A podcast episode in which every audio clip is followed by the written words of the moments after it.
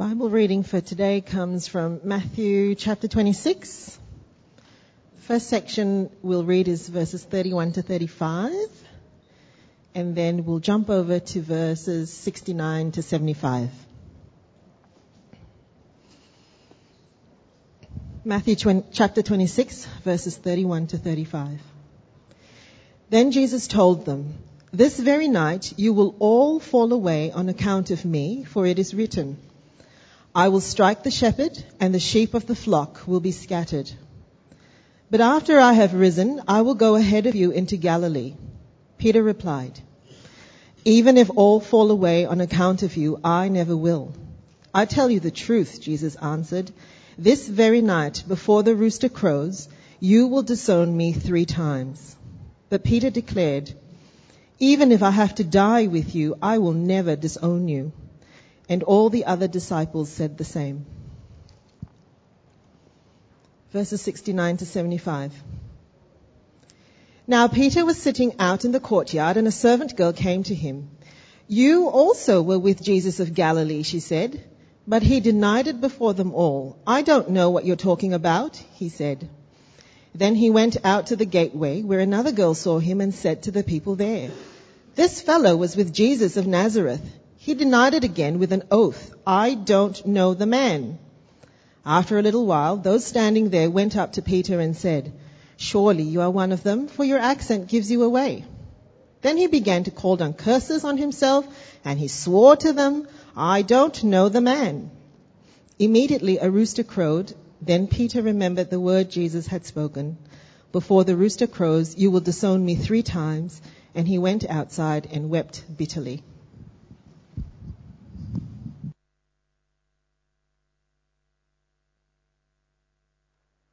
Try that again. And it haunts us, doesn't it?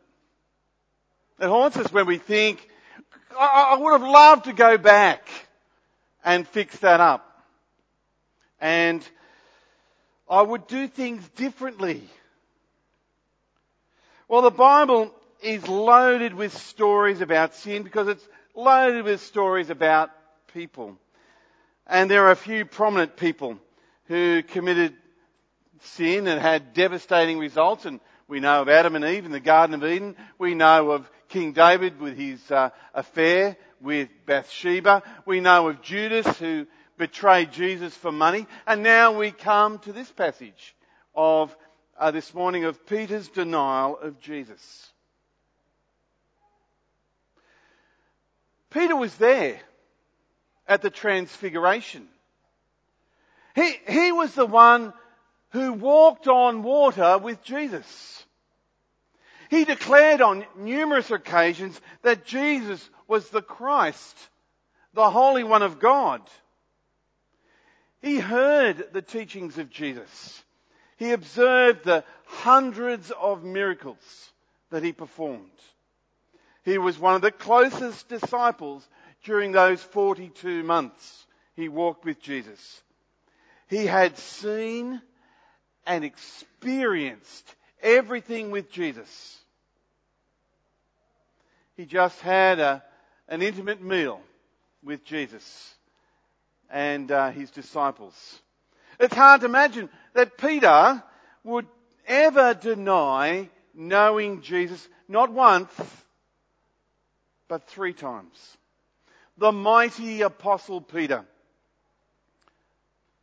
was so ashamed of his Saviour. Let's have a look at why this disloyalty or cowardice or why this moral failure as we look here in this passage of Matthew 26. After the Last Supper, we, uh, we know that he was to go to the, uh, the Mount of Olives and the Garden of Gethsemane. And as he was walking along with his disciples, he said this in verse 31 of Matthew 26. This very night you will fall away on account of me. For it is written, I will strike the shepherd and the sheep of the flock will be scattered. But after I have risen, I will go ahead of you into Galilee.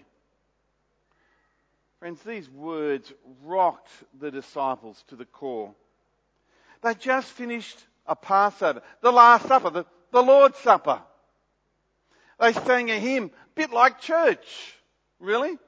Where, you know, it's an uplifting experience. How, how could, how could this happen straight after? They weren't prepared to what was about to take place. You are going to fall away on account of what I'm about to endure, he says. Jesus then quoted uh, Zechariah 13:7, and, and the consequences of what was going. The sheep are going to be scattered when uh, the shepherd is struck down. And he said, this very prophecy is going to be fulfilled tonight. Tonight. As usual, Peter put his foot in his mouth. He, he jumped up and contradicted Jesus and declared unswerving loyalty to Jesus. He said it's something like this in the vernacular. These jokers, if they're going to ditch you, uh, you know, Bartholomew, what does he do? Actually, I never knew what Bartholomew, what does he do? And, and Thomas, he's always doubting, but not me, Jesus. Not me. I'm Peter, you know, the one that you, you gave the, the nickname the rock. I've been with you all this time. Don't think for a second, Jesus, that I'm going to leave you like Peter. Many of us are self-delusional and we think it's impossible to do something dumb and deny Jesus. And, and Jesus doesn't support Peter's high view of himself.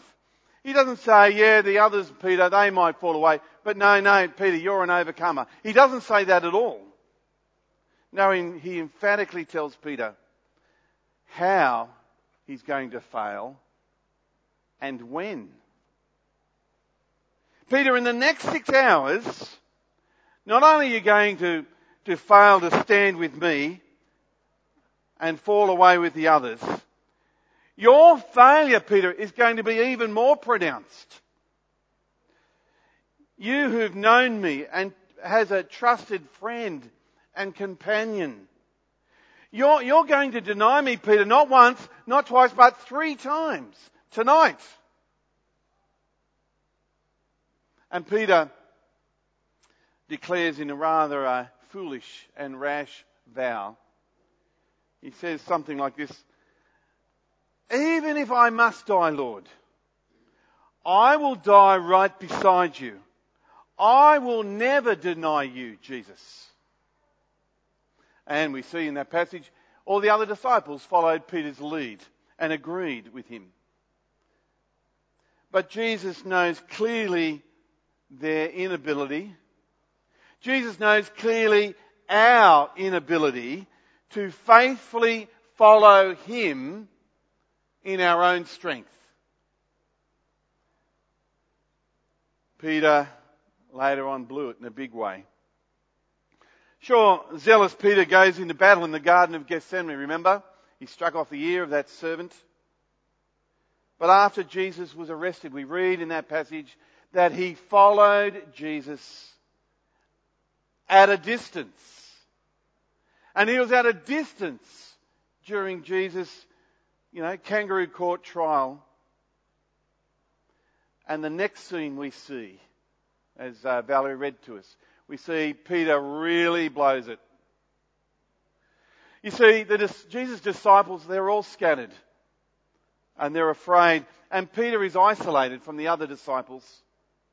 He's standing with the guards and hangers on. And in the evening, no doubt, you stand around a fire, keeping warm to the early hours of the morning.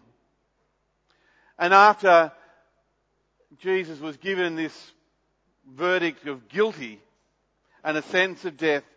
You don't see Peter volunteering to die alongside Jesus as he claimed he would hours earlier. He is afraid. And he wants to blend in. He's approached by a teenage slave girl. You know, literally this is the lowest status person in society. And she's not even accusing in, the, in, her, in her question. She says something to the effect of, You were with Jesus, weren't you?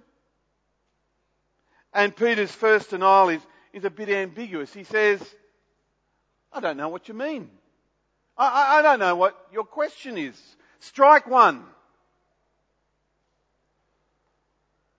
Now, before we point the finger at Peter, we're not much better either, by the way.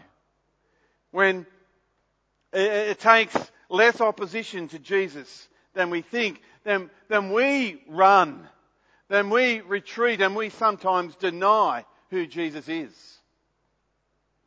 It might be at work on Tuesday morning, and someone says something to the effect, you know, because Hillsong always gets bagged in the media, doesn't it? You know, someone might say the effect of, you know, fancy Hillsong. They, they think they're spirit led. They, they think they are born again Christians. How arrogant are they? What do you think? And you think, uh, and we play, and we might want to play it down. We feel the pressure. Well, Peter did too. Peter felt the pressure and when he was confronted and he physically moved away from Jesus, we see, towards the gateway. And again, another servant girl identified him and said, you were one of those who were with Jesus. And Peter gave a flat out denial that, that he was a follower of Jesus. And, and he used an oath. I swear, I do not know this man. Trust me, not that servant girl. I am not associated with this arrested Jesus.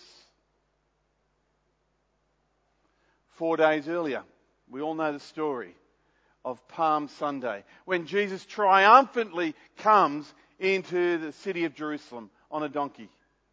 And they're waving palm branches and, and saying, Hosanna. And Peter, he was, uh, he had no difficulty in hearing the praise of Jesus and being associated with that just four days earlier. But now things are difficult.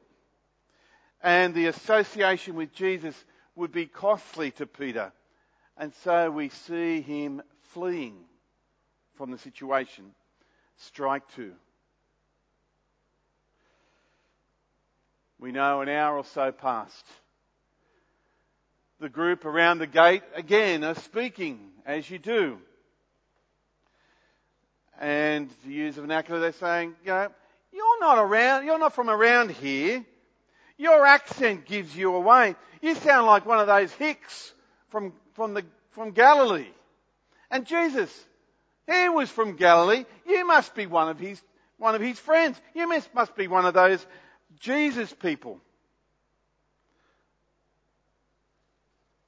Well, now we see Peter is spooked. He aggressively denies any association with Jesus. As God is my witness, I do not know Jesus. Curse me, or curse his, any of his followers if we are. I'm not, I'm not one of those wacky religious uh, Galileans who follow this Jesus. I'm just like you. And the rooster crows. Strike three. Jesus has been mocked and beaten. Peter is still close enough to see what is happening. And in, Luke's gospel, we see that Jesus looked at Peter when he said that. And he remembered what Jesus had said. So what was, what was Peter's reaction to denying or failing Jesus? He got out of there straight away, we see. He broke down and bawled his eyes out. Peter, Peter the rock has been crushed and broken. Can you imagine the depth of feeling of shame the feeling of personal disappointment and failure Peter would have had at that moment. Maybe you can. Maybe you can because you know when then there have been moments in your own life or even patterns of sin and failure that you've seen. Now, at this point of time, I could say, all right, let's all get our dirty, dirty laundry out and talk about how we have failed Jesus, uh, whether it be in the distant or recent past, where our words have not reflected our actions and we've dishonoured him. We won't do that, but let me give you an illustration. I, um, I'm involved in, uh, I've been involved in preparing people in the Anglican Church of Sydney to be ordained a, a ministry chaplain for the last 14 years. I get to see a lot of people uh, who are preparing to be in that ministry role. I'm also uh, the mission area leader of the Hills churches, Anglican churches, 11 parishes. I get to see a lot of people in ministry. And it's in this capacity I came across a man who could preach so well. He was passionate. He could unpack the Bible. He could tell us, you know, all that we needed to know in the Bible. And uh, this particular man was in an ethnic ministry and he'd been recently ordained. When asked by the senior minister, could he help out in leadership on Friday night youth ministry? Could he also help out in Sunday night church for the young people? And this man said, No, I don't want to serve. I don't want to serve. You see, this man, he was so mesmerized by the office of clergy. And we don't do this very often, but he, he wanted to wear the clerical collar. He, he wanted the, the scepter of leadership without the, the towel of servant leadership.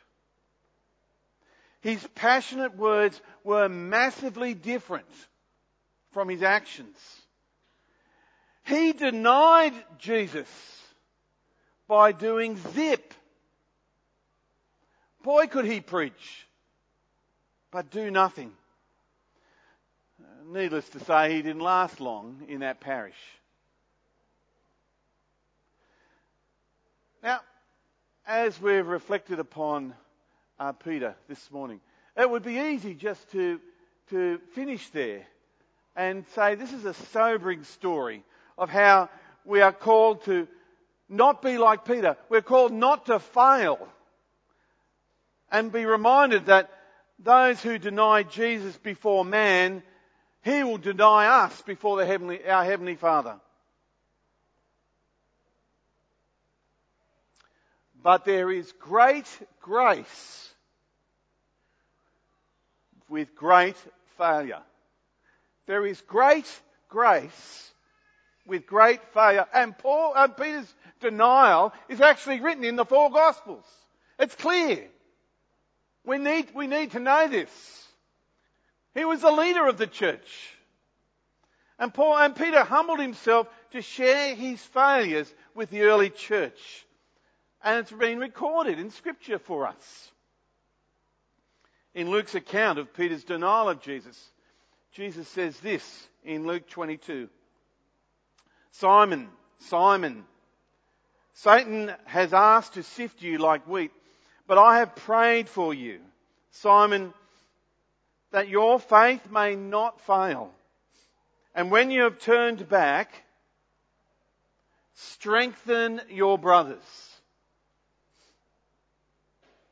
You see, hearing about Peter's failure, hearing about his repentance, hearing about his restoration is going to strengthen us. It tells us, friends, we all know this, we're all sinners, And God is loving and kind. And because of what Jesus has done for us, we need to repent of our failures and sin.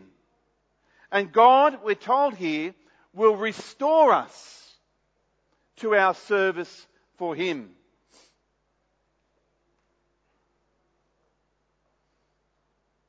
After the resurrection, when Jesus was walking on earth those 40 days, John records the reinstatement of Peter in John chapter 21, verse 15. Let me read it to you. John 21, 15. I've actually been to this very beach in the uh, northern part of, uh, of the Lake Galilee. It's uh, the only beach there on, the, on Galilee there. When they had finished eating, Jesus said to Simon Peter, Simon, son of John, do you truly love me more than these? Yes, Lord, he said. I, I, you know that I love you. Jesus said, feed my lambs. Again, Jesus said, Simon, son of John, do you truly love me? He answered, Yes, Lord. You know that I love you. Jesus said, Take care of my sheep.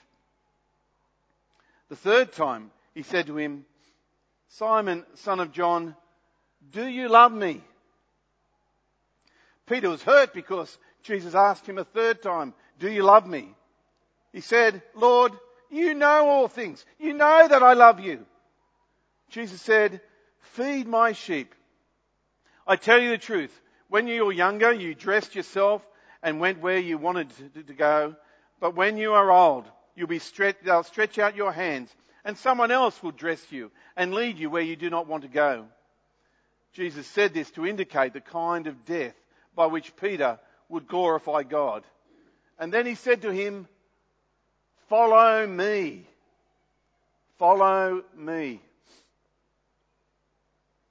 I don't believe you can preach about the failure of Peter without the hope displayed in this restoration and, and the hope that we have in the Lord Jesus.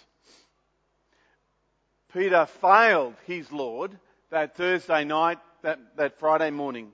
There's no question. He, he, took a break from the Christian community, didn't he? Because of that. He wasn't ostracized. By the way, everyone else seemed to, uh, to uh, fall away. But on that resurrection Sunday, he and John ran to the tomb, that empty tomb. Yet Peter no doubt would have had some doubts about how he, he, uh, he denied Jesus and what he'd done. He wasn't doubting Jesus, he was doubting himself. And we're told he, he went back to fishing for a time. And he was with his disciples one day fishing. And there Jesus was on the shore of Galilee with a fire pit cooking breakfast.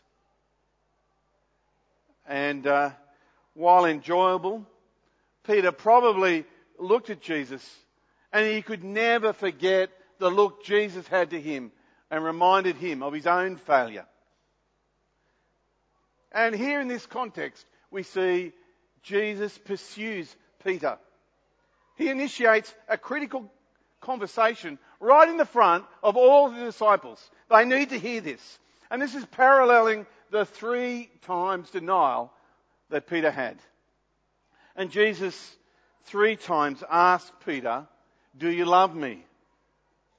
Not, do you know me? Or do you, are you associated with me? Do you want to follow me in the good times and in the hard times? But rather, do you have a deep affection for me as your risen King and Saviour? That's what he's asking. And each time, Peter doesn't respond with, you know, self-righteousness of saying, you know, I'll do it like he did before. But his reliance upon Jesus' mercy. Lord, you know I do. You know everything. Yes, Jesus. Peter did not restore himself, but Jesus restored him that day.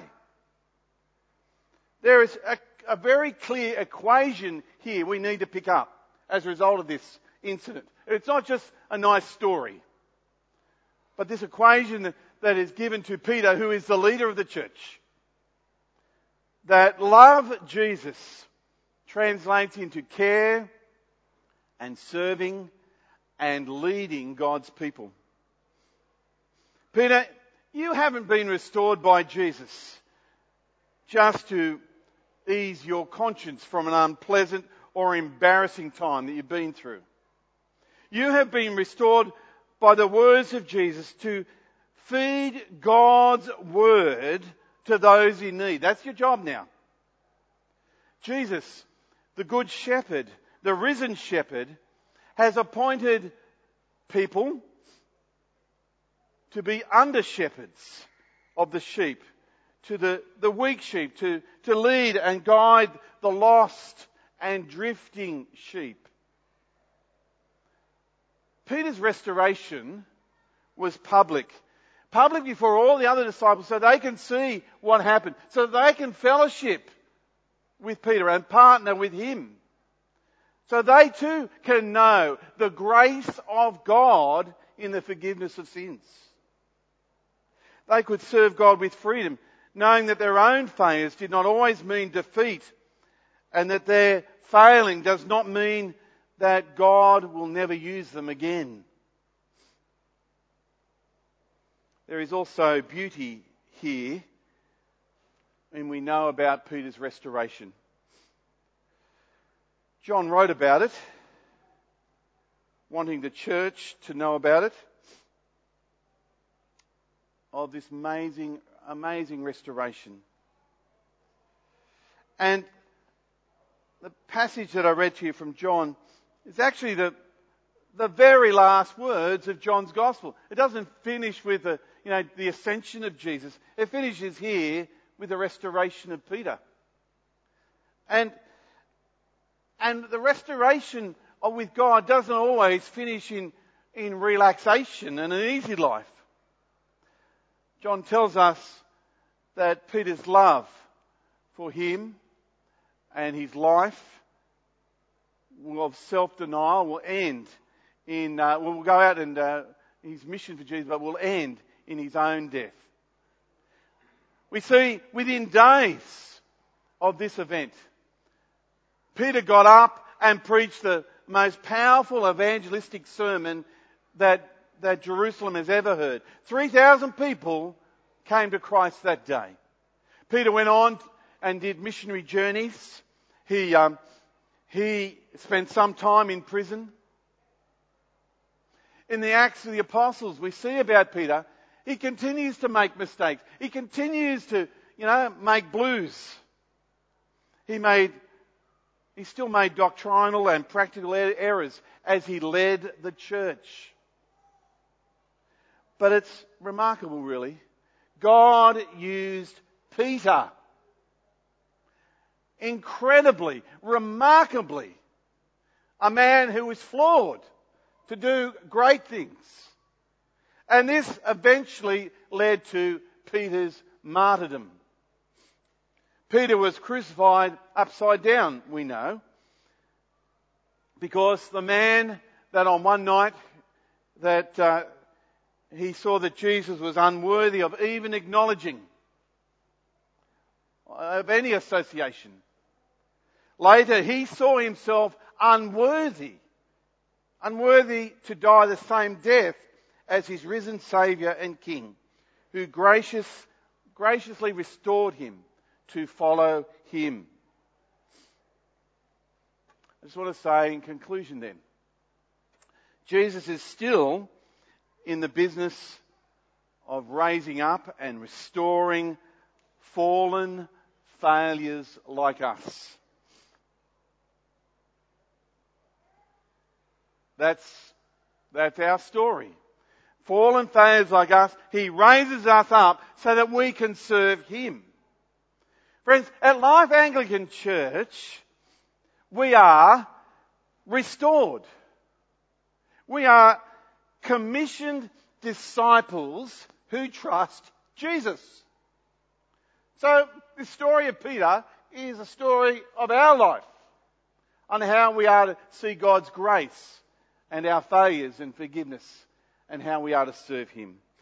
And may God bless us as we go out and serve Him this week. Let's pray.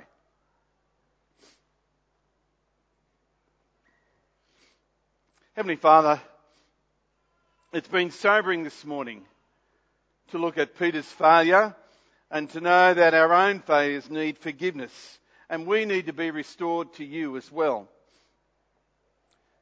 We thank you for the great plan of salvation that you brought in through the death and resurrection of Jesus. It is so marvellous. And this plan of salvation covers all of our sins and failures. And Lord, we are so grateful for this. Lord God, may we live empowered lives this week, seeing that you can even work through our own failures and weaknesses, and that we might be able to serve you in our day and generation. And we pray this in Jesus' name. Amen.